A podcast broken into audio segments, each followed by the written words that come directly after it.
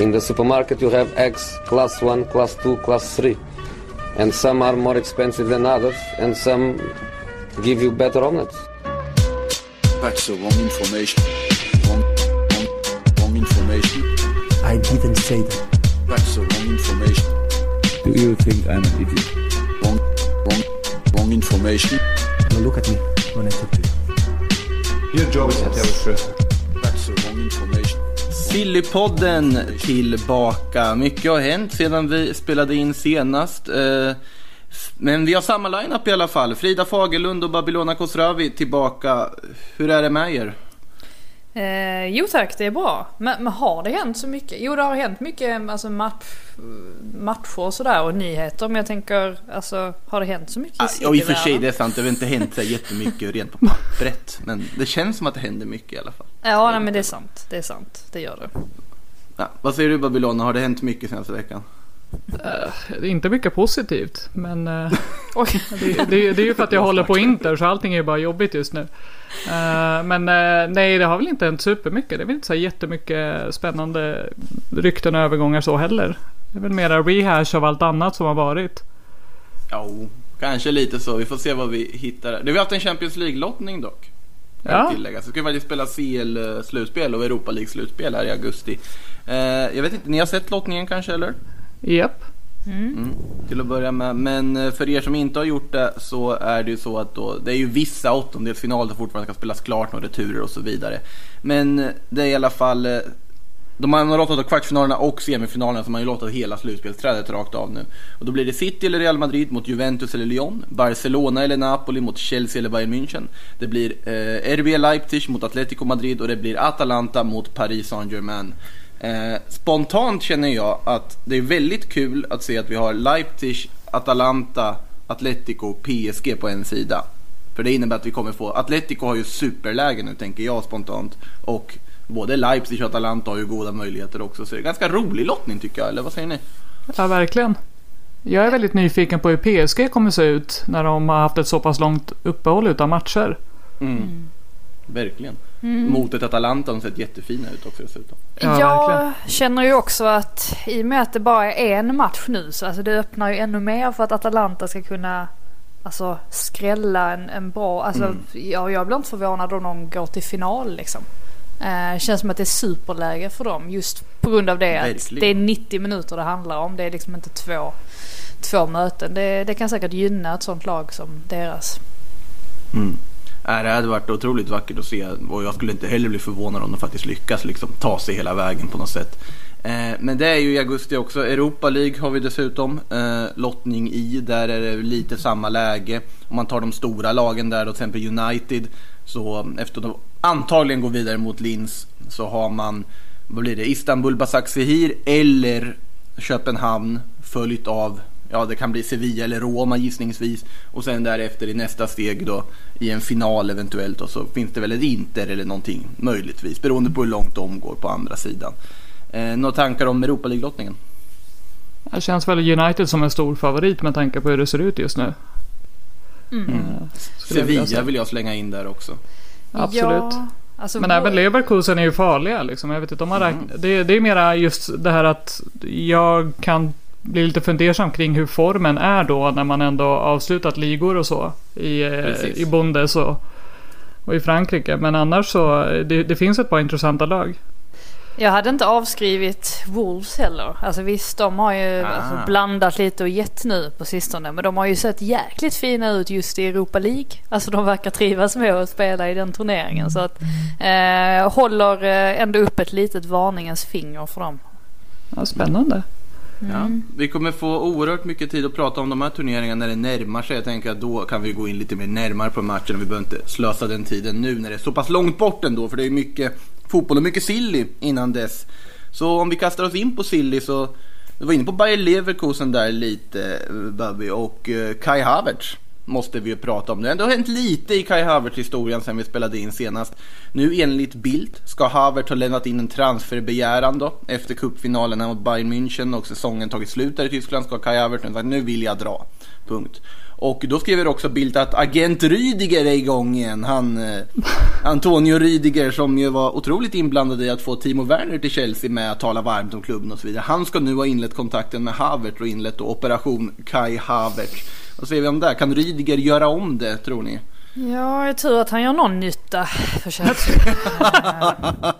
Han planerar för karriären efter spelarkarriären. ja, nej men exakt. Han har ju inte varit... eh, Han har ja. varit usel. Ja, han Alltså, jag, det- det tänkte lägga att fram det. Ja, men precis, jag tänkte lägga fram det lite så här lite, lite mjukare, men du, du sa det. Eh, Jag känner att jag inte kunde hålla tillbaka det. Det ser ju, alltså, det ser ju vidrigt ut numera. Alltså, det, det är verkligen som man tittar på det bara oj. eh, han gjorde det ännu sämre den här gången. Ja, alltså det, det är ju så att man liksom, Kai Havertz i all ära, det hade ju varit eh, en fantastisk värvning för Chelsea och alltså en värvning som känns ganska logisk också eh, på något sätt. Alltså jag tror Havertz eh, hade liksom smält in i Chelsea väldigt bra han också. Men eh, det är klart att man för Chelseas del så, så kikar man kanske lite längre bak i planen och tänker att det är där man borde förstärka. Eh, men visst, man kan aldrig få för många eh, offensiva spelare heller. Nej, Öser man in mål kanske man inte behöver så många backar till. Då kan man låta Rydiger lira. Ja, nej men det är sant. Det är sant. Det finns ju så här skämtbilder på hur Chelsea kommer ställa upp nästa säsong med liksom nio anfallare, N'Golo Kanté som ensam mittback och sen Kepa i mål typ. Eh, Men det, det kommer inte Stackars bli Kanté. så. Han löser det.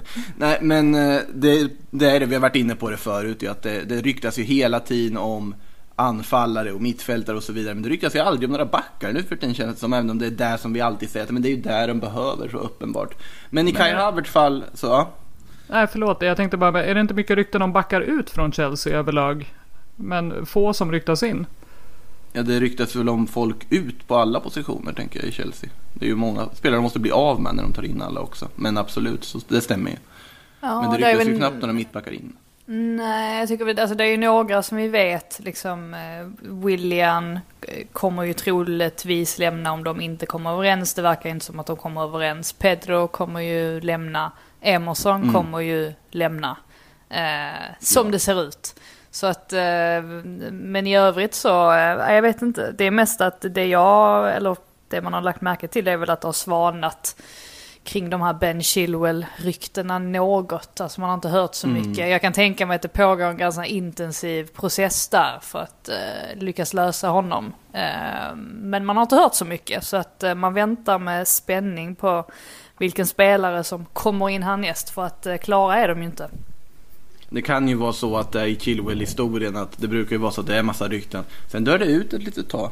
Och sen bara plötsligt säger det pang igen och det är då det liksom är klart. Vi såg ju det med Artur Pjanic-hoppen också. Den dog ut ett tag och sen bara poff. Och då var det när det verkligen var klart igen. Så att det kan ju mycket väl vara så nu gör de faktiskt rejält arbete för att få över Chilwell. Men om de ska in Havertz också, det är liksom, de har mycket pengar men så mycket pengar kan de inte ha att de kan värva precis vad som helst. Eh, och i Havertz fall så eh, säger uppgifterna att det då ska vara en, ändå en 100 miljoner euro, en miljard som blir prissumman och som Chelsea också på något sätt ska ha gått överens om att betala för Havertz. Eh, ett vanligt transferfönster, inget att snacka om. Fantastisk värvning skulle jag säga, sett till den unika kvaliteterna han har. Men med det här fönstret, med tanke på de andra behoven som Chelsea har, så kan man ju ändå ställa vissa frågetecken känner jag. Nu är det ju ett drömläge dock för Chelsea att slå till på honom i och med att Bayern München öppet har sagt att vi inte kommer ha råd att plocka honom den här sommaren. Real Madrid verkar det ha svalnat intresset från också. Och så har vi i och för sig drös andra klubbar. Men Chelsea känns ju verkligen närmast just nu. Jag vet inte om ni håller med där. Mm, jo, absolut. Alltså det, Mm. det håller jag med om. Ehm, och det var ju, alltså om vi går tillbaka en månad eller sådär, alltså när ryktena dök upp först, det var kanske lite längre sedan. Då lät det ju som en, eh, liksom, alltså det här, det här kan aldrig bli, alltså det kan aldrig hända, tänkte ju folk, just eftersom att de har värvat så mycket annat. Mm. Men jag tycker bara att det känns mer och mer realistiskt för, för varje vecka som går på något sätt. Att det är Chelsea som kommer dominera det här transferfönstret eh, från början till slut. Mm. Eh, sen har man ju en målvaktsfråga också. Eh, det har ju diskuterats, vi har varit inne på tidigare, att ge Kepa tålamod och så vidare. Men sen har han ju dragit någon mer liksom, tavla och så vidare sedan dess. Och eh, i brittiska medier så pratar man i alla fall nu naturligtvis då om ja, att man ändå ska på något sätt försöka göra sig av med Kepa och ersätta honom. Eh, Sevilla nämns som en potentiell Kepa-anhalt. Vet inte i vilken form en sån deal skulle gå till och hur de ens skulle lyckas bli av med honom utan att gå allt för mycket minus ekonomiskt. Men där pratar de om lite ersättare, nämligen Mike Mainan i Lille, Alphonse Areola som tillhör PSG men är i eh, Real Madrid på lån som andra keeper och André Onana från Ajax. Eh, någon av de tre målvakterna känner skulle kunna gå in i Chelsea och faktiskt förbättra laget och ersätta Kepa? Alltså Onana har det ju pratats om eh, väldigt mycket. Eh, de andra har jag inte hört så mycket om, alltså kopplat till Chelsea. Så det måste ha varit ganska, ganska nytt. Men Onana vet jag att man har hållit koll på eh, under en längre tid. Ehm, ja, alltså. Jag, jag fattar ju absolut grejen. Alltså tittar man på Kepas stats och enskilda ingripande och sådär så, så ligger han ju ganska långt ifrån alltså, toppen. Eh, om man säger så, bland målvakterna i Premier League. Och, alltså då får man ju ställa sig frågan som, alltså för Chelseas del att, ja men om vi ska vinna Champions League kan vi vinna den med, med Kepa? Eh, och svaret är väl antagligen nej. eh, har man väl kommit fram till nu under säsongen. Så att jag har full förståelse för att man kikar på andra målvakter. Sen är frågan Ja, eh, vad, dels vad ska, vad ska man göra med honom med tanke på att han, han kostade väldigt, väldigt mycket pengar. Eh, så man Mm. måste ju se till att, att lösa hela den ekonomiska biten så, på ett så bra sätt som möjligt. Eh, och sen gäller det ju att man får in någon som är bättre också. Eh, annars är det ju inte riktigt värt, eh, Nej. värt det. Och om man tittar på de namnen som kommer så är det väl bara Onana som jag ser teoretiskt sett skulle kunna vara bättre. Tycker jag. Mm. Ja, det är svårt att veta naturligtvis. ja. Men. Beror inte det också lite mycket på vem han får framför sig kan jag känna. Liksom. Det är inte som Ja, att man har världens stabilaste backlinje framför. Och då, jag menar, Kanté har väl haft en av sina sämre säsonger också. Eh, om man jämför. Nu är man ju van vid eh, väldigt hög klass där. Så att han är väl en av få som jag tycker har gått lite bakåt jämfört med hur han har sett ut innan. Ja, alltså det har, ju, det har ju säkert att göra med alltså att han har varit otroligt skadebenägen. Um, alltså i princip alltså, under hela säsongen. Uh, Ja, det k- känns som att han nästan bara har spelat matcherna mot Liverpool. Alltså från, från början till slut. Um, så, så att alltså där, där tror jag nog att eh, det är väl mer också hur, alltså hur Lampard måste försöka hitta balansen där på mittfältet. Mm. Alltså det, det har man ju sett ibland att han kanske inte får, um, får ut alltså maximalt. Han hade ju det här liksom samarbetet mellan Jorginho och Kovacic som fungerade så himla fint. Ja. Eh, då när Kanté var borta så mycket. Eh, och sen så nu när Kanté är tillbaka så, ja, så har ju Jorginho då varit in och ut helt ur laget och sådär. Det- det- Där är ju fortfarande lite saker för honom att att lösa. Eh, men eh, ja, en, en stabilare försvarslinje. För det tänkte jag också på nu i Alltså den här kaosmatchen för Chelseas del mot, mot Palace. Just när Jorginho kliver in där, alltså det han har som man märkte att varken Zuma eller Christensen hade, det var ju någon sorts liksom ledaregenskaper. Alltså att kunna kliva fram, att nu har vi det hett om öronen här och det är fem minuter kvar och vi leder, vi måste ta de här tre poängen. Alltså ingen av de mittbackarna verkade liksom benägen att ta kommandot på det sättet som Jorginho gjorde när han kom in. Det visar ju om något att man måste ha en sån på planen alltså. Det är, och det är ju den typen av mittback de måste ha in. Frågan är, var hittar man en sån? Alltså de växer inte på träd direkt. Det är ju det. Uh det de hade behövt få in, om man bortser från Santix är utanför plan så hade de behövt få in en John Terry. Alltså igen i laget. Någon Ja, som absolut. Liksom en ledargestalt i försvaret. Absolut. Punkt. Eh, det har ju dock har pratat om lite innermittfältare. Om man, om, I alla fall de rykten jag har sett flyta förbi. Det är ganska många när det kommer till Chelsea. Innan vi lämnar dem ska vi titta på dem lite också. Sergej Milinkovic Savic kopplas till Chelsea enligt Gazzetta dello Sport. Declan Rice kopplas till Chelsea enligt The Times. Eh, ni får väl en var, om vi säger så här, Babylona, Sergej Milinkovic Savic. Tror du han hade passat till Chelsea? Alltså, jag är ju ett stort fan av eh, Milinkovic Savic. Jag tror att han hade passat in bra i de flesta eh, Mm. mittfält. Sen är han ju, han är ju stor, han är fysisk. Jag tror han hade gjort det väldigt bra i Premier League. Eh, men där är det ju återigen, det, är- är ingen billig spelare det heller. Så om man ska spendera de typen av pengar som Lotito kommer kräva. Mm. Alltså jag skulle vilja ha en 80 miljoner euro för honom. Fortfarande ja. Fortfarande, ja. Jag menar, och i år har han ju spelat upp sig definitivt. Det var ju förra Mm. året som han var lite Precis. sämre. Men i år är han ju tillbaka och är otroligt bra. Alltså det känns ju som att den typen av mittfältare har ju inte Chelsea, men du kan ju inte ha alla typer av mittfältare som finns. Eller det är inte liksom Pokémon att du måste fånga alla olika, utan du, du, du måste, det, det finns ju bara tre platser. Absolut, men här får du ju verkligen den här typ, stora liksom som du kan. Ja, exakt. Då har du ju dina småttingar runt om och sen Milinkovic Savic. Ja, Mm. det, det hade varit giftigt. Ja. Eh, Declan Rice pratas det också om. Frida, Declan Rice, tror du han har kvalitet nog att gå in i Chelsea? Ja, nej men det tror jag. Eh, Han är ju Mm. ganska, vad säger man, versatile också. Kan ju gå ner och spela mittback också om det skulle knipa rejält. Eh, Jag tror att i, just i det fallet så är, det väl framförallt ehm, alltså Chelsea-bandet som gör att man känner att det nog hade kunnat bli rätt så bra. Ehm, nå- några av hans bästa vänner spelar i Chelsea, Mason Mount och Ah. han är ju, de bröt ju lockdown ihop. Eh, eh, så att eh, han, han har ju mycket, alltså mycket connection till Chelsea och en sån grej ska man ju absolut inte underskatta. Eh, att man känner klubben för att dra den klyschan för miljonte gången. Han blir lätt en del av gänget liksom, av grabbgänget också för att han känner alla och man kommer in enkelt i laget och så vidare. Det har ju pratats om att också det känns som att det är många som typ så här, känner grabbarna i Chelsea. När man tittar på rykten och sånt där. De är sociala. Ja, på något, verkar lite så i alla fall. För Jadon Sancho har det pratats om också i den sammanhanget. Men han känner ju liksom gänget i Chelsea. Jo men det är ju för att de har många unga engelska spelare. Ja. Och Ja, har, man då, har man då spelat tillsammans i U, U-landslagen, alltså från, Mm. från ung ålder så är det ju inte så märkligt att eh, ens vägar har korsats. Man har varit på udda så här U17-läger tillsammans i udda, udda nationer och sånt där. Så att det, och då, då det bygger sammankoppling och gemenskap antar jag. Eh, men Jadon Sancho tänkte jag skulle gå över på i och med det. För eh, där har det ju mest pratats om Manchester United.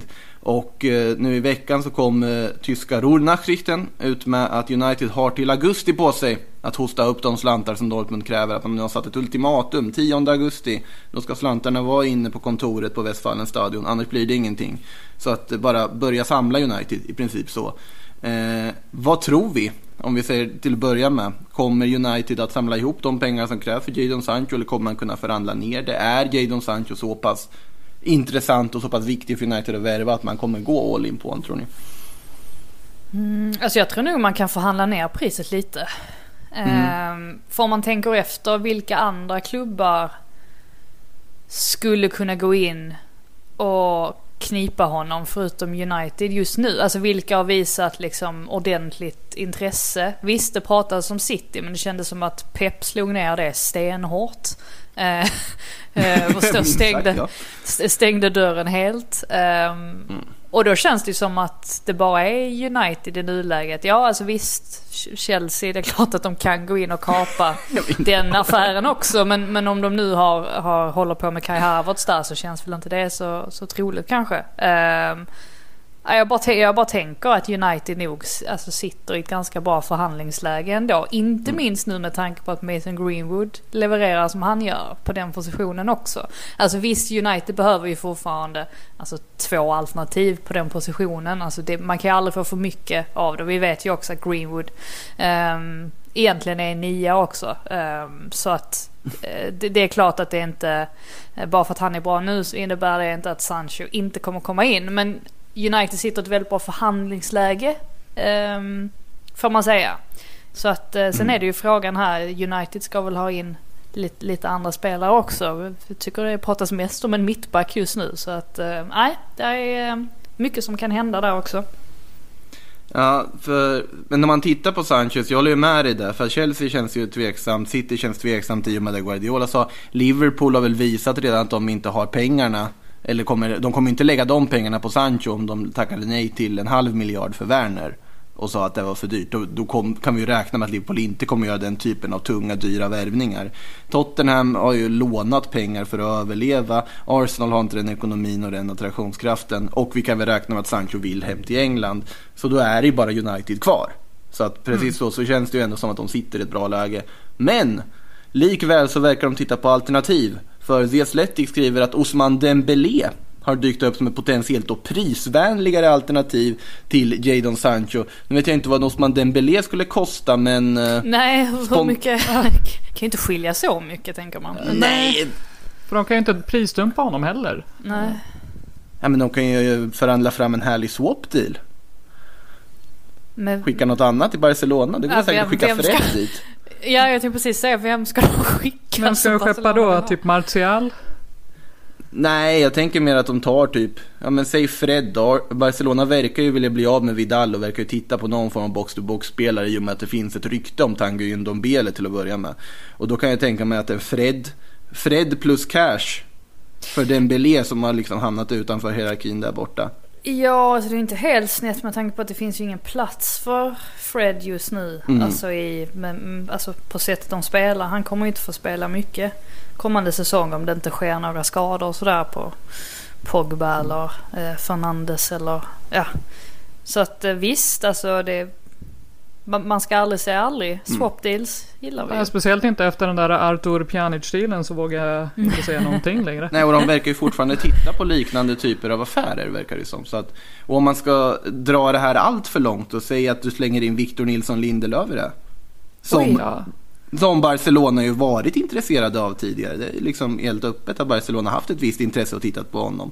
Och om United ändå tittar på mittbackar så tänker man kanske att man, ska, man kommer inte ersätta Maguire. Nej. Jag leker otroligt med tanken, jag har inte läst det här någonstans, men tänk bara tanken en typ Lindelöf, Fred, rak deal mot Osman Dembélé.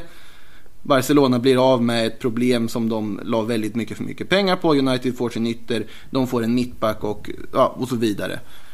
Jag, jag, jag, Bara kan, jag, jag kan känna Barca-fansens ilska ända hit. Liksom. Ja, jag vet- jag vet inte om de hade varit sådär jättenöjda med det här. Ehm, men Fast den, visst. den, den dealen är ju bättre än att börja försöka deala för uh, Ndombele eller att trada Griezmann mot uh, Ja. Rabiot och Douglas Costa Ja, som det också har pratats om. Så att det, det kan inte bli så mycket sämre. Men det är bara en spontan fundering. Det kommer säkert inte bli av och om det blir av så blir jag väldigt imponerad av mig själv, det måste jag säga. Eh, men mittbackar United, ja, men det måste jag väl bara erkänna och säga ändå. Mittbackar United ska vi prata om. Det har ju pratat sedvanligt om Kalidou Koulibaly. Där också. Och det har även pratat lite om Nathan A- Akey dessutom från Bournemouth. Har jag sett. Eh, det ja, ja, oj förlåt, fortsätt. jag trodde... Nej men det, alltså Aki-ryktet kommer ju lite mer från att eh, det kommer ju uppgifter om att Solskjaer ska ha pratat med honom efter 5-2-serien mot Bournemouth. Där han då ska ha sagt, jag vet inte om det här var läppläsning eller om någon faktiskt hörde det här, men att vi behöver en vänsterfotad mittback så fortsätt göra det du gör. Jag vet inte varför han skulle säga så efter liksom att ha släppt in fem mål heller, men ja, det, i alla fall ändå tanken att det kanske kan vara någonting för United ändå. Ja, alltså fast jag hade ju liksom City i tankarna kring Aki. Men ehm, Jaha, ja, alltså han, men han har ju ryktats dit ganska intensivt. Han passar ju in i, eller alltså Guardiola gillar ju honom. eh, Och tycker Mm. att han passar in ehm, på, på sättet som han vill att mittbackar ska vara. Det trodde han i och för sig om John Stones också. Det verkar ju inte ha fallit väl ut. Eh, och sen har ju Aki då givetvis kopplats ihop med Chelsea eftersom att det är Mm. hans gamla klubb. Eh, United är, det är ganska nytt för mig att han har nämnts i det sammanhanget. Eh, men visst, de har ju ingen, de spelar ju med två högerfotade mittbackar just nu så att ehm, det känns väl rimligt att de vill ha in en ehm, vänsterfotad. Men ehm, nej, han kommer ju säkert flytta för nu ser det ju ut som att Bournemouth åker ur. Eh, Ja, Så att, eh, men frågan är bara liksom vilken, vilken av klubbarna. Men det är ju säkert många som är intresserade. Det tror jag. Det problemet är väl i hans fall att, alltså som det har pratats om, att han är, han är lite för, eh, för liten för många. Alltså att man, man vill ha en liten resligare mittback oftast. Eh, hans fötter är ju fina. Det råder ingen Mm. tvekan om. Nej, det, vi får se. Det känns i alla fall som en flytt aktuell för honom och där kanske inte heller Champions League-spel är ett krav och då kanske City, om de blir avstängda som det verkar, ändå kan vara med och slåss där också. Eh, orkar vi gå in på Koulibaly? Alltså vi pratar ju samma sak varje vecka om honom. Alltså det, det är Men fortfarande den förstår inte miljarden han vad, kostar. Jag förstår inte vad som händer. Alltså jag, jag förstår liksom inte varför, varför hör vi inte mer? Varför är det ingen som, som gör någonting? För att det är... Det är, så- det är så här varje år. Alltså Ja. Koulibaly ska ju alltid gå till England och han går ju aldrig till England. Han kostar alltid en miljard. Och det är alltid typ City, United och ibland något annat, Liverpool som är intresserade. Men det blir ju aldrig något. Jag tror, han, jag tror han kommer sluta i Napoli. Han, han, han, han kör resten. Nu kommer Alltså, det- ryktas det, kän- varje år och bara bli kvar. Ja, men det, det, det, man får den känslan. Lite som jag får på Sergej i Lazio också faktiskt. Nu är ju Lazio väldigt bra också ska tilläggas. Så att man kan ju förstå varför han skulle vilja stanna. Och det är Ja, i och för sig men samma sak med Koulibaly. Och Koulibaly är ju, han är ju för gammal snart höll jag på att säga. Nej men alltså för varje Ja. år så blir han blir Han ju blir väl äldre. 29 liksom. i år va? Ja. Så det är väl dags för en flytt nu om, om han nu ska byta liga och... Ja, men verkligen. Miljarden blir orimligare för varje år. Ja men lite så. Och sen har det, har det någonsin kommit ett av de här riktiga höga buden? Alltså det snackas ju mycket om det, det snackas om ryktena men eh, vet vi att det har kommit ett bud på 80 miljoner eller någonting som han ska ha tackat nej till det Laurentis? Jag har svårt att se det. Det är fortfarande Ja, det känns- mittback vi pratar om liksom.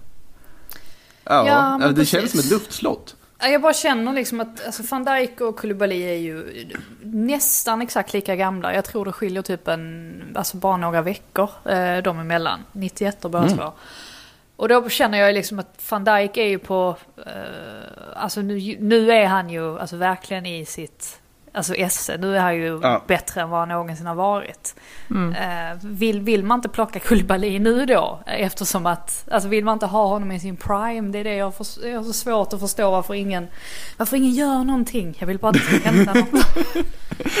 Ja, men han, han, han- alltså det är ju, han måste ju till PL förr eller senare tänker man. Men det har gått så länge nu att man funderar. För det är ju aldrig konkret. Det alltid är det här miljon, superbudet som man inte vet om det har lagts. Och det är lag som... Nej, det, det är det jag menar med orkar vi gå in på Koulibaly mer? Vi kan bara konstatera att Det det, händer vi ju ingenting.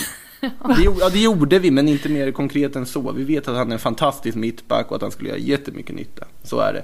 Eh, med risk att göra fler Barcelona-fans, de som är kvar efter min eh, spontana swap deals-förslag ska tilläggas.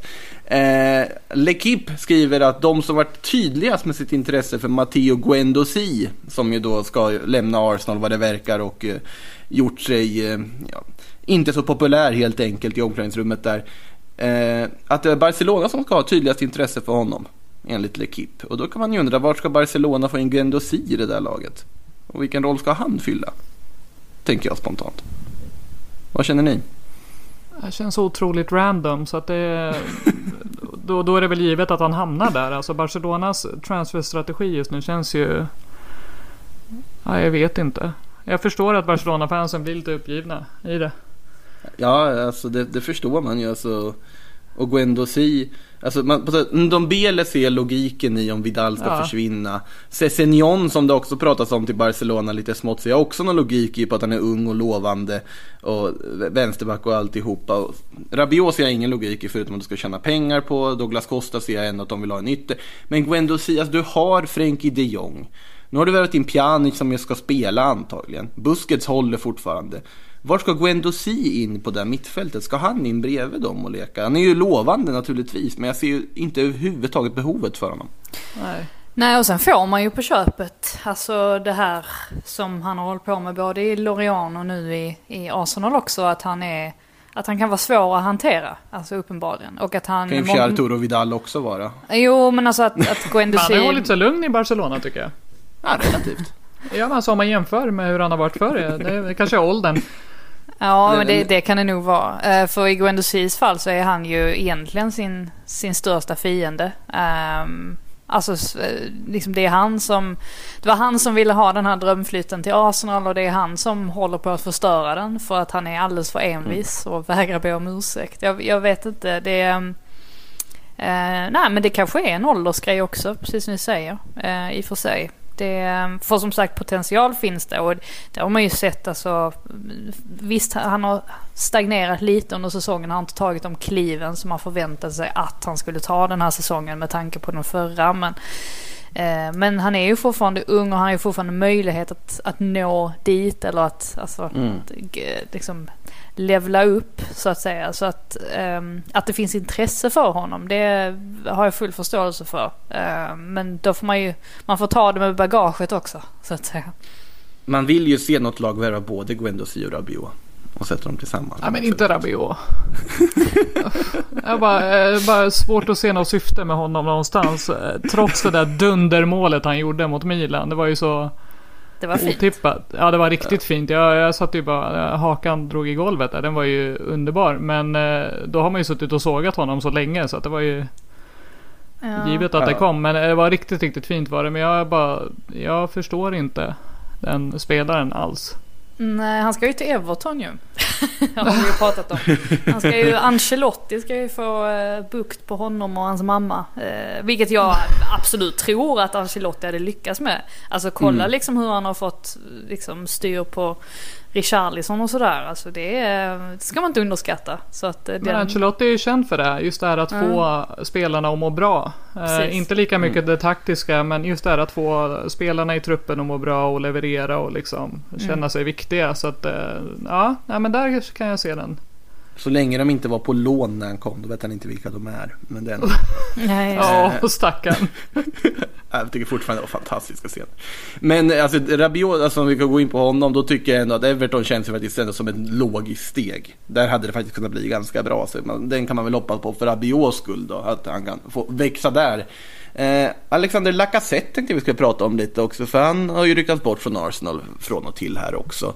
Eh, L'Equipe har skrivit om Juventus, Inter, Atletico Madrid, kanske i någon form av bytesaffär mot Thomas Partey. Kan man ju fundera över.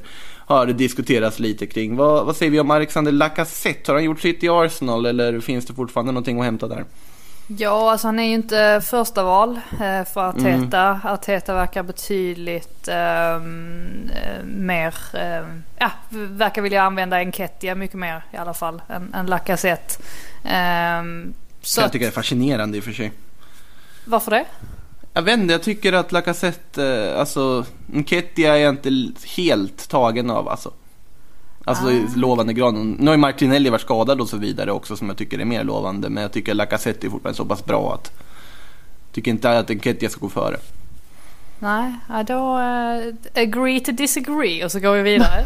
Ehm, I Lacazette-fallet så har det väl att göra med att ska man ha in Partey som jag säger och som folk blir så irriterade på för de tycker inte jag ska anglo, vad säger man, Ang- anglo, Ja men du är ju typ Britt, om det är någon som får göra det i svensk podcasting så är det ju du som Ja, får dra. Britt-uttalet. Ja men det är ju det, på riktigt. Du, du får göra det, det är okej. Du, du, var Tack. helt, du har all rätt att dra Britt-uttalet på alla spelare tycker jag. Sett till den där du hänger och så Ja men ta- tack så mycket. Då, då, då ska jag fortsätta. Eh, nej, men ska de ha råd med honom så måste de ju skeppa spelare eh, för att få in cashen. Och eh, Lacazette är ju faktiskt en, så, en sån spelare som man kan casha in på.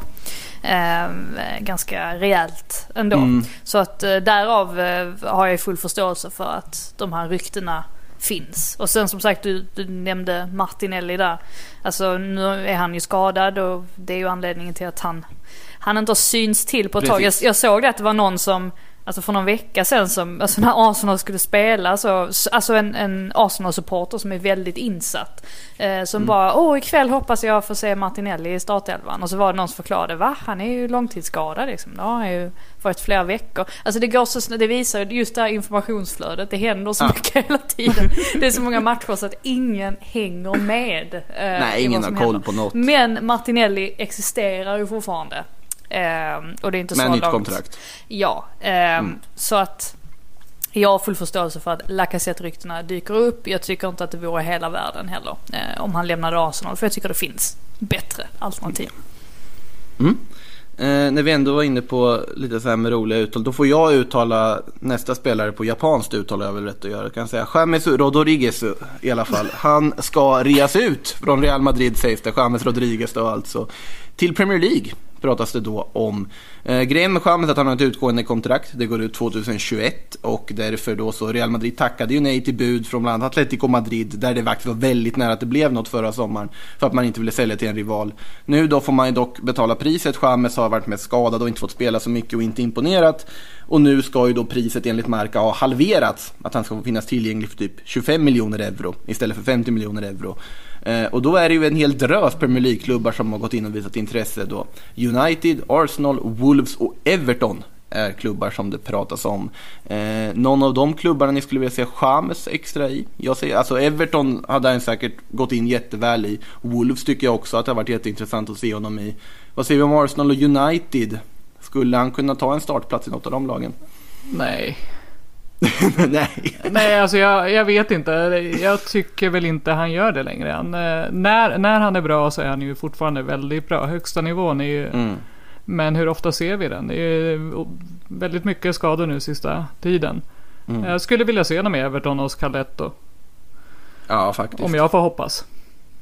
James, Ja. Rabiot och... Ja. Man kan ju se en, en plats för honom. i- Alltså i Arsenal eh, hade man ju kunnat tänka sig att det möjligtvis finns en plats. I United, nej det, det tycker jag ju inte så som de ser ut just nu. Nej, var skulle Eh. han in då liksom? Ja, alltså det, det jag lutar åt ganska mycket är ju Wo- Wolves. Men då tänker jag ju Mm. först och främst på Mendes-kopplingen där. Att det ofta, just är, det. ofta är där man hamnar. Om man har honom som agent. Att det känns som en väldigt logisk eh, övergång på det sättet.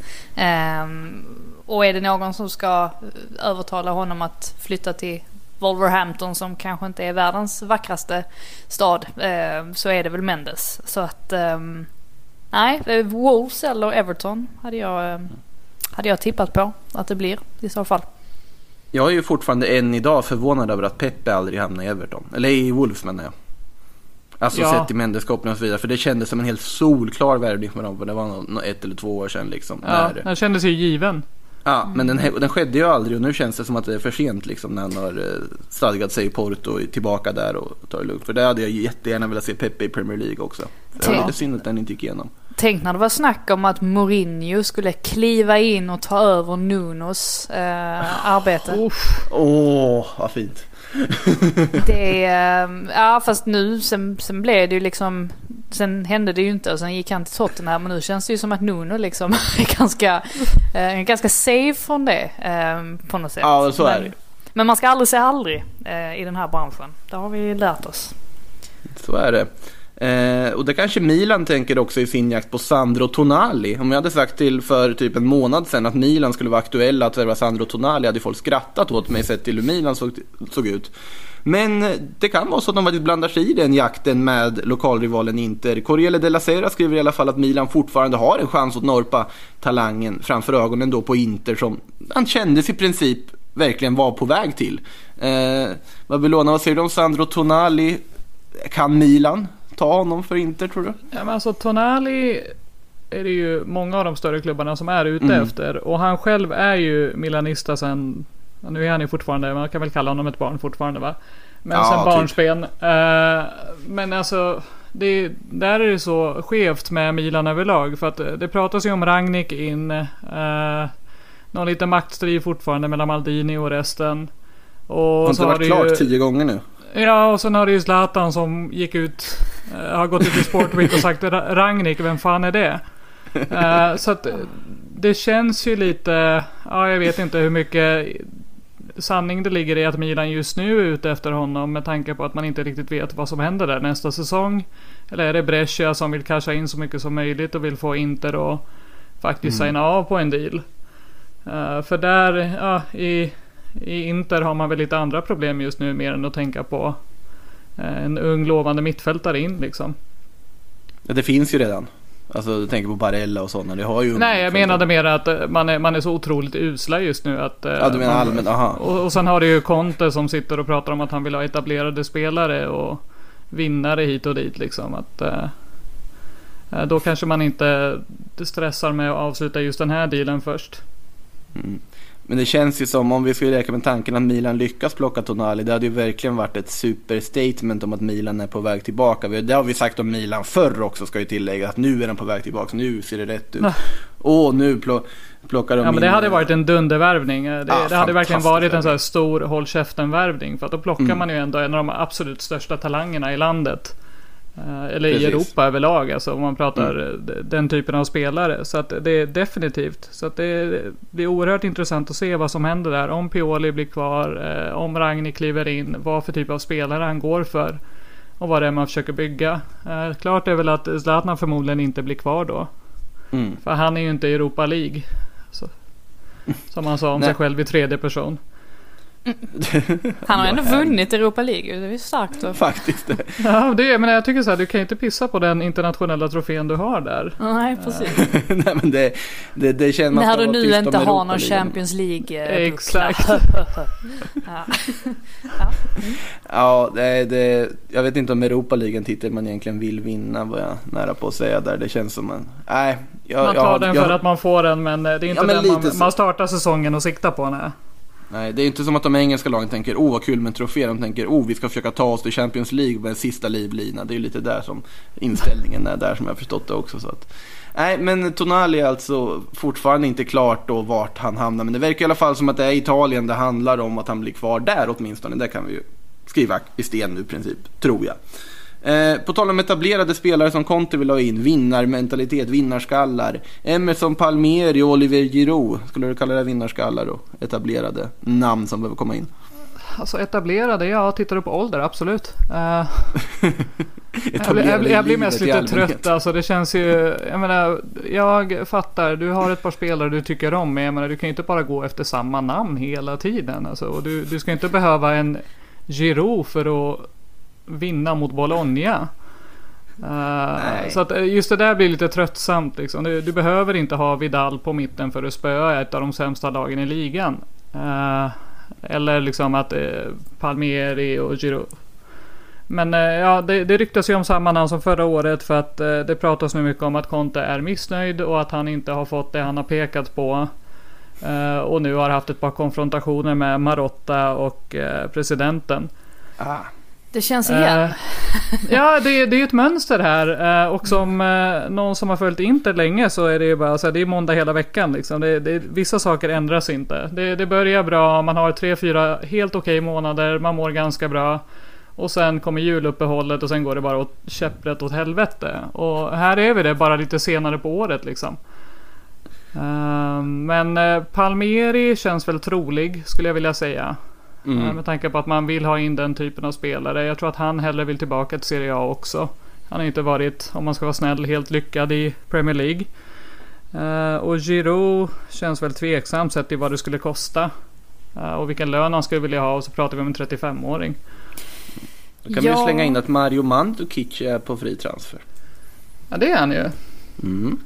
Och han har faktiskt kopplats lite till Inter också dessutom. Att det Ja. kan vara något som är av intresse. Möjligt. Han kopplades ju till Inter även innan han eh, drog iväg eh, Mm. från Juventus. Så var det ju ett par eh, snack liksom just om en backup-anfallare som kliver in och kan avlasta Lukaku. Mm. Ehm, så att ja, mycket möjligt. Man vet aldrig. Den känns väl inte helt... Uh, känns väl det typiskt som en Marotta-värvning om du kan plocka en spelare på free transfer. Eh, man kan i alla fall trösta sig inte om att eh, Lautaro Martinez utköpsklausul har gått ut.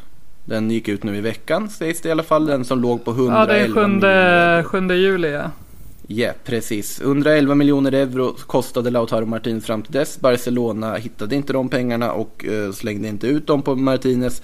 Men det är väl inte slut än den här soppan för Barcelona ska väl börja förhandla nu. Under resten av transferfönstret kan man ju tänka sig. Ja, för det Bartomeu sa var väl att ja visst klausulen går ut men eh, ja det skiter vi väl i mer eller mindre. Att eh, vill man ha en spelare så förhandlar man om det i så fall. Ja, vi hade inte tänkt betala de pengarna ändå. Exakt. Den känslan. Så vi får se. Men nu, är den alla, nu finns det en klausul att förhålla sig till. Där kan vi säga om Lautaro. Eh, tillbaka till Barcelona kan jag nämna att Bartomeu, just som du nämnde nu, han har ju också sagt att det finns ingen tvekan om att Messi kommer stanna i Barcelona och han vidhåller även att han har fortsatt förtroende för tränare Kike Setien och att det är lugn och ro på torpet i Barcelona. Dessutom ska Griezmann enligt de senaste uppgifterna också ha haft ett givande möte med klubbledningen som har gått väldigt bra som gör att han har fortsatt förtroende för Antoine Griezmann i blått och rött. Låter ju Eh, fantastiskt. Vilken det god vore ju stämning. jättefint. Ja, riktigt god stämning verkar det vara just nu på så sätt. Så att, eh, mycket trevligt. Eh, måste nämnas tycker jag att eh, Leipzig har hittat en ersättare till Timo Werner också. Eh, I form av Juan Hichan från eh, Red Bull Salzburg. Det är ju den sista då av de här riktigt tongivande Salzburg-spelarna som vi imponerades av i Champions League. För Haaland gick till Dortmund, Minamino gick till Liverpool och nu är alltså Juan Hichan klar för Leipzig. Och det säger jag spontant nu är en fantastisk värvning.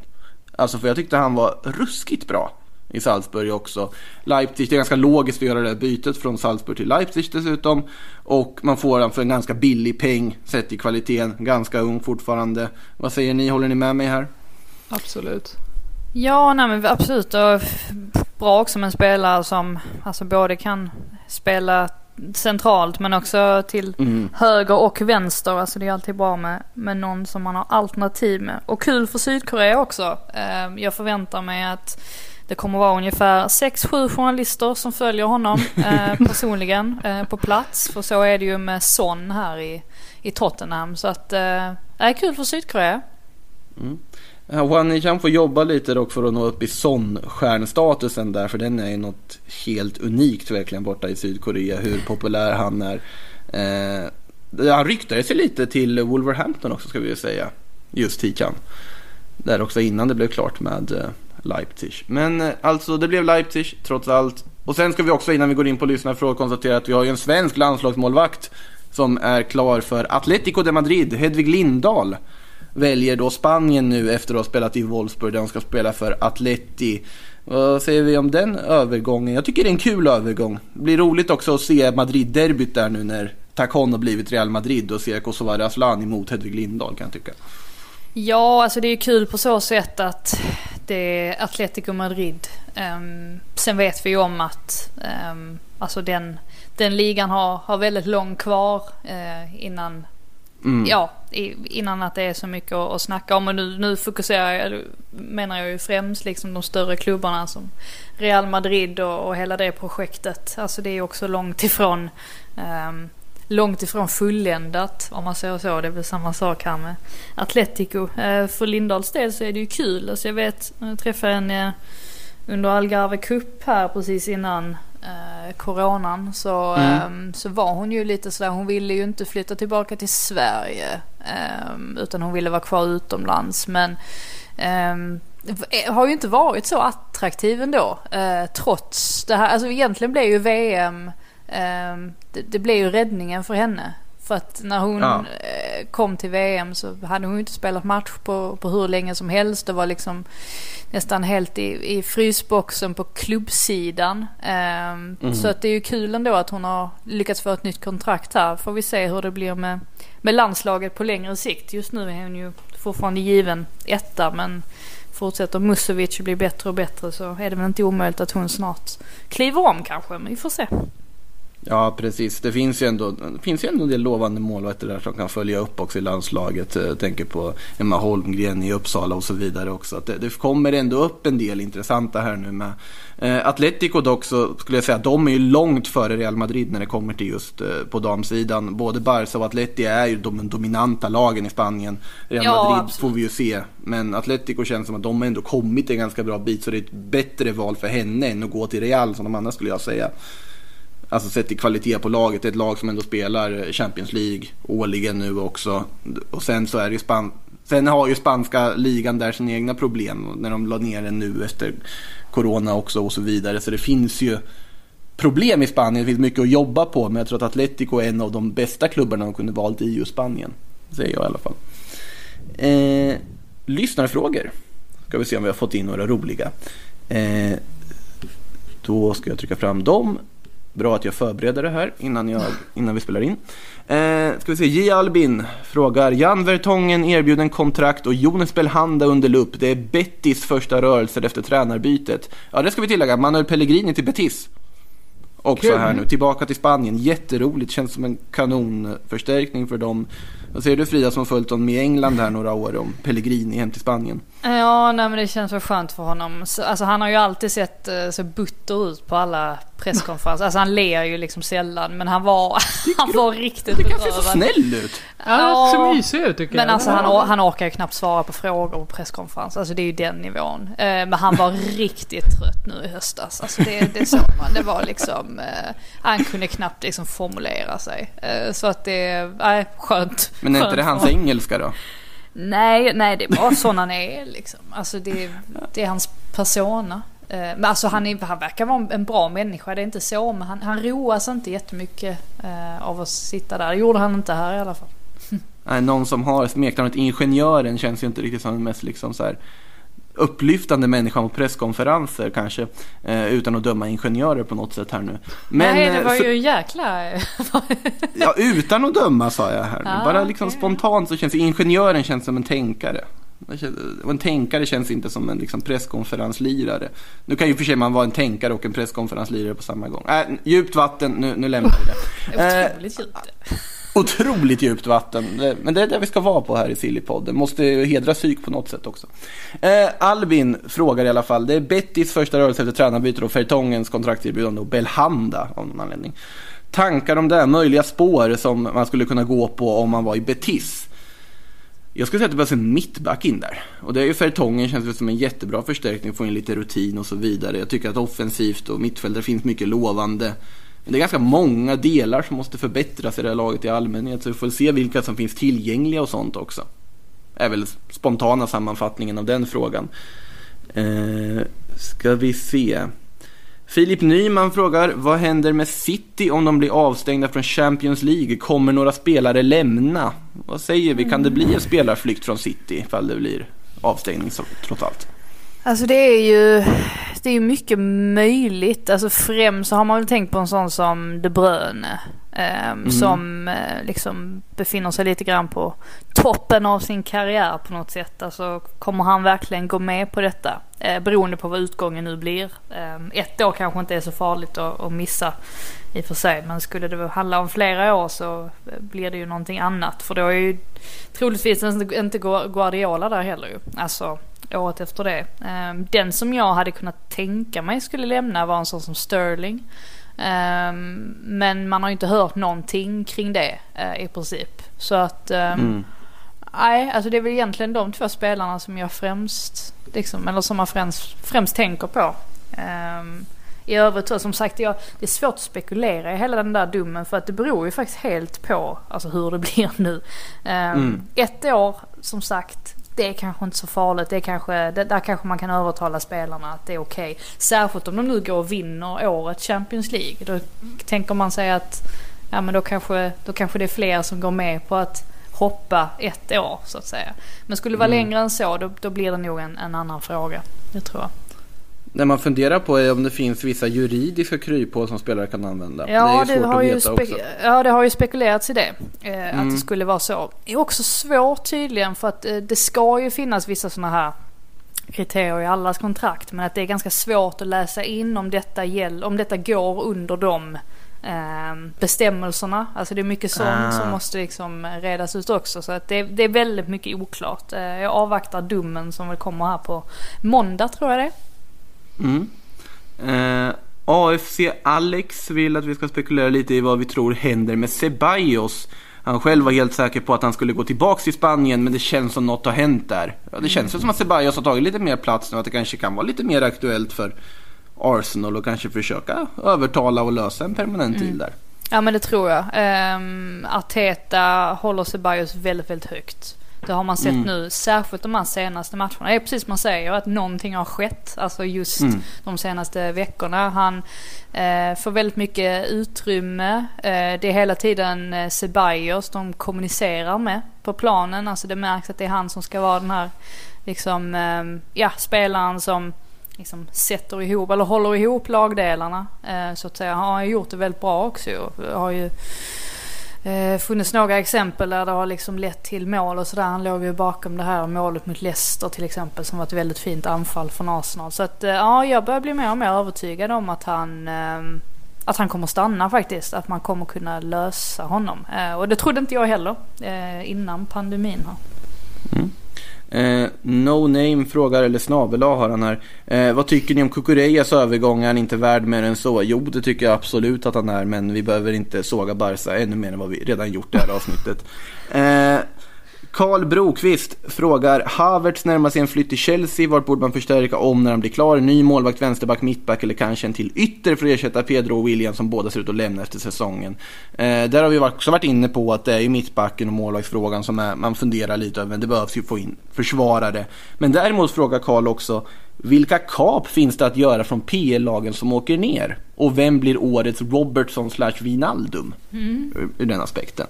Intressant. Eh, jag måste tänka här ju på vilka vi har. Alltså det är ju ganska givet att säga en sån som Josh King till exempel. Eh, om nu Bournemouth åker ner, det är inte säkert. Men Todd Cantwell. Ja, nej men jag tänkte just på, på Josh King. Alltså han... eh, man, man håller honom väldigt högt av någon anledning. Men jag, jag tyckte det när jag satt och, när jag satt och kollade, när jag satt och såg Spurs-matchen igår. Så, så, så liksom sa jag till mig själv, bara, vad, vad är det med den här spelaren som alla tycker är så himla speciellt? Alltså han såg så o, alltså, obrydd ut. Det såg ut som att han liksom var ute på en lång promenad istället för att spela match i Premier League. Men det kan ju förstås vara att luften har gått ur. Eh, det behöver ju inte ha att göra med hans eh, kvaliteter. Annars är det ju som du säger Norwich, där sitt, finns det några riktiga guldkorn. Det är ju Cantwell givetvis. Det är ju möjligtvis Pukki då även om han eh, in, inte är riktigt den målskytten som han var inledningsvis eh, på säsongen. Eh, vi har Bundia, eh, Max Aarons har ju liksom ryktats väldigt, väldigt mycket till eh, Tottenham framför allt. Ja. Det vore en jättebra värvning för dem. ehm, tycker jag. Ehm, Och ja, sen finns det väl, jag försöker tänka här. Det är väl, ska vi räkna, vi beror på vilka vi räknar ut. Om West Ham åker ur finns det en hel trupp att fynda. Ja, gud ja. Eh, om Där finns om det ju Watford mycket. åker ur nästan detsamma. Eh, Alltså, Aston Villa, har ju borde ju ha det. Ja, men då tar man ju väl Grealish och de här eller? Ja, Ja. Där lär väl många hugga på. Ja, och Mings inte minst. Han kommer Ja. inte hänga med ner. Eh, det tror jag inte. Uh, McGinn såklart. Uh, Mm. Peperina vill väl någon ha också. Chelsea borde ju Ja, plocka. Peperina. Skitbra andremålvakt. Faktiskt. Ja, och Pepe Reina som eh, var med i spanska landslaget bara på att han var en eh, trevlig snubbe. Mm. När de vann guld. Han var ju tredje målvakt bara baserat på att ja, men vi kan inte peta Pepe Reina för han är så otroligt trevlig. Och liksom bidrar med eh, allting utanför planen som en tredje målvakt. Och liksom att han var så viktig för lagmoralen att man tog med Pepe Reina även om det fanns mer talangfulla målvakter. Värt att notera på Pepe. Eh, så är det. Eh, ska vi ta en sista fråga innan vi stänger butiken då? Marcus Oskarsson frågar Är det någon av svenskarna i Europa som kan tänkas flytta i sommar? Quaison, Sebbe Andersson, Augustinsson, Robin Olsen, möjliga destinationer för dessa. Eh, Quaison är det väl, det är väl lite kontraktfråga och sånt där också. Hur mycket Mainz vill gå ner i pris. Det pratas väl om typ runt 13-14 miljoner euro om det är någon som skulle vara intresserad av att värva honom. Sebbe Andersson har ju ryktats flitigt till alla möjliga klubbar i alla möjliga länder. Augustinsson räddar ju kvar sitt Werder Bremen i Bundes nyligen och Robin Olsen kommer ju lämna. Vad, vad tror vi? Är det någon särskild där som sticker ut som vi tänker att den spelaren skulle kunna gå dit? Det hade varit roligt. Ja, jag känner väl det om Sebastian Andersson framför allt. Eh, känns som att han borde ta chansen nu på något sätt och få ett riktigt lukrativt kontrakt någonstans. Eh, tror säkert att det finns många klubbar i Championship till exempel som hade varit intresserade av honom. Eh, och där han förmodligen hade kunnat göra det bra också och då få ett, ett kontrakt eh, som är ordentligt. Eh, Ska inte han vara i en högsta liga? Alltså, Championship. Ja, men vem ska köpa honom i, alltså du menar i, I Premier League Premier känns det League lite då? svårt va? Ja. ja det, alltså, det känns väldigt, det skulle ju vara Har det någon inte varit nykomling. någon nykomling? Ja. West Bromwich eller någonting? Ja, det är mycket, alltså mycket möjligt. Sen blir Mm. man blir ju rädd varje gång liksom en svensk ska- närma sig Premier League. För man vet hur det oftast går. Ehm, så att, eh, men visst. Kan eh, David Elm så kan väl Sebastian Andersson. Eh, absolut. Ska inte underskatta David Elm nu tycker jag. Nej, absolut inte. Det är fantastisk eh, merit ändå. Och Mm. gjort ett mål för Fulham. Eh, det är inte alla som har gjort det. Det skojar man inte bort i första taget. Nej. Alltså när vi ändå var inne på det här måste jag, kan jag ju ta upp det också. Jag vet inte om ni såg de här ryktena som var kring Mattias Svanberg. Nej, det har jag faktiskt inte sett. Nej, han har ju kopplat samman med en Premier League-flytt. Och då har det ju faktiskt pratats om lag som Arsenal och Everton och grejer. Oj. Nu blev man ju väldigt eh, taggad. Eh, jaha, det låter ju väldigt intressant.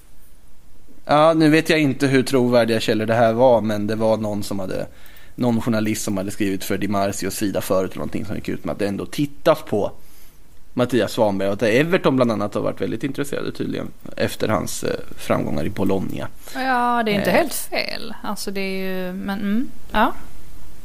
där ser man. en liten svensk man kan slänga in där. Någonting att fundera på här under fredagskvällen för er alla lyssnare. Och även för Frida och Babylona kanske. Fundera lite på Mattias Svanbergs framtid. Jag kommer inte Eh, kunna om sova nu. Ja, det här är hela helgen fullspäckat nu. Så är det. Eh, sedvanligt underbart trevligt att prata med er och ha en fortsatt trevlig fredag till att börja med. Båda två. Detsamma. Och eh, även ni lyssnare får ha en underbar fredag så hörs vi snart igen. Ha det gott. Hej då.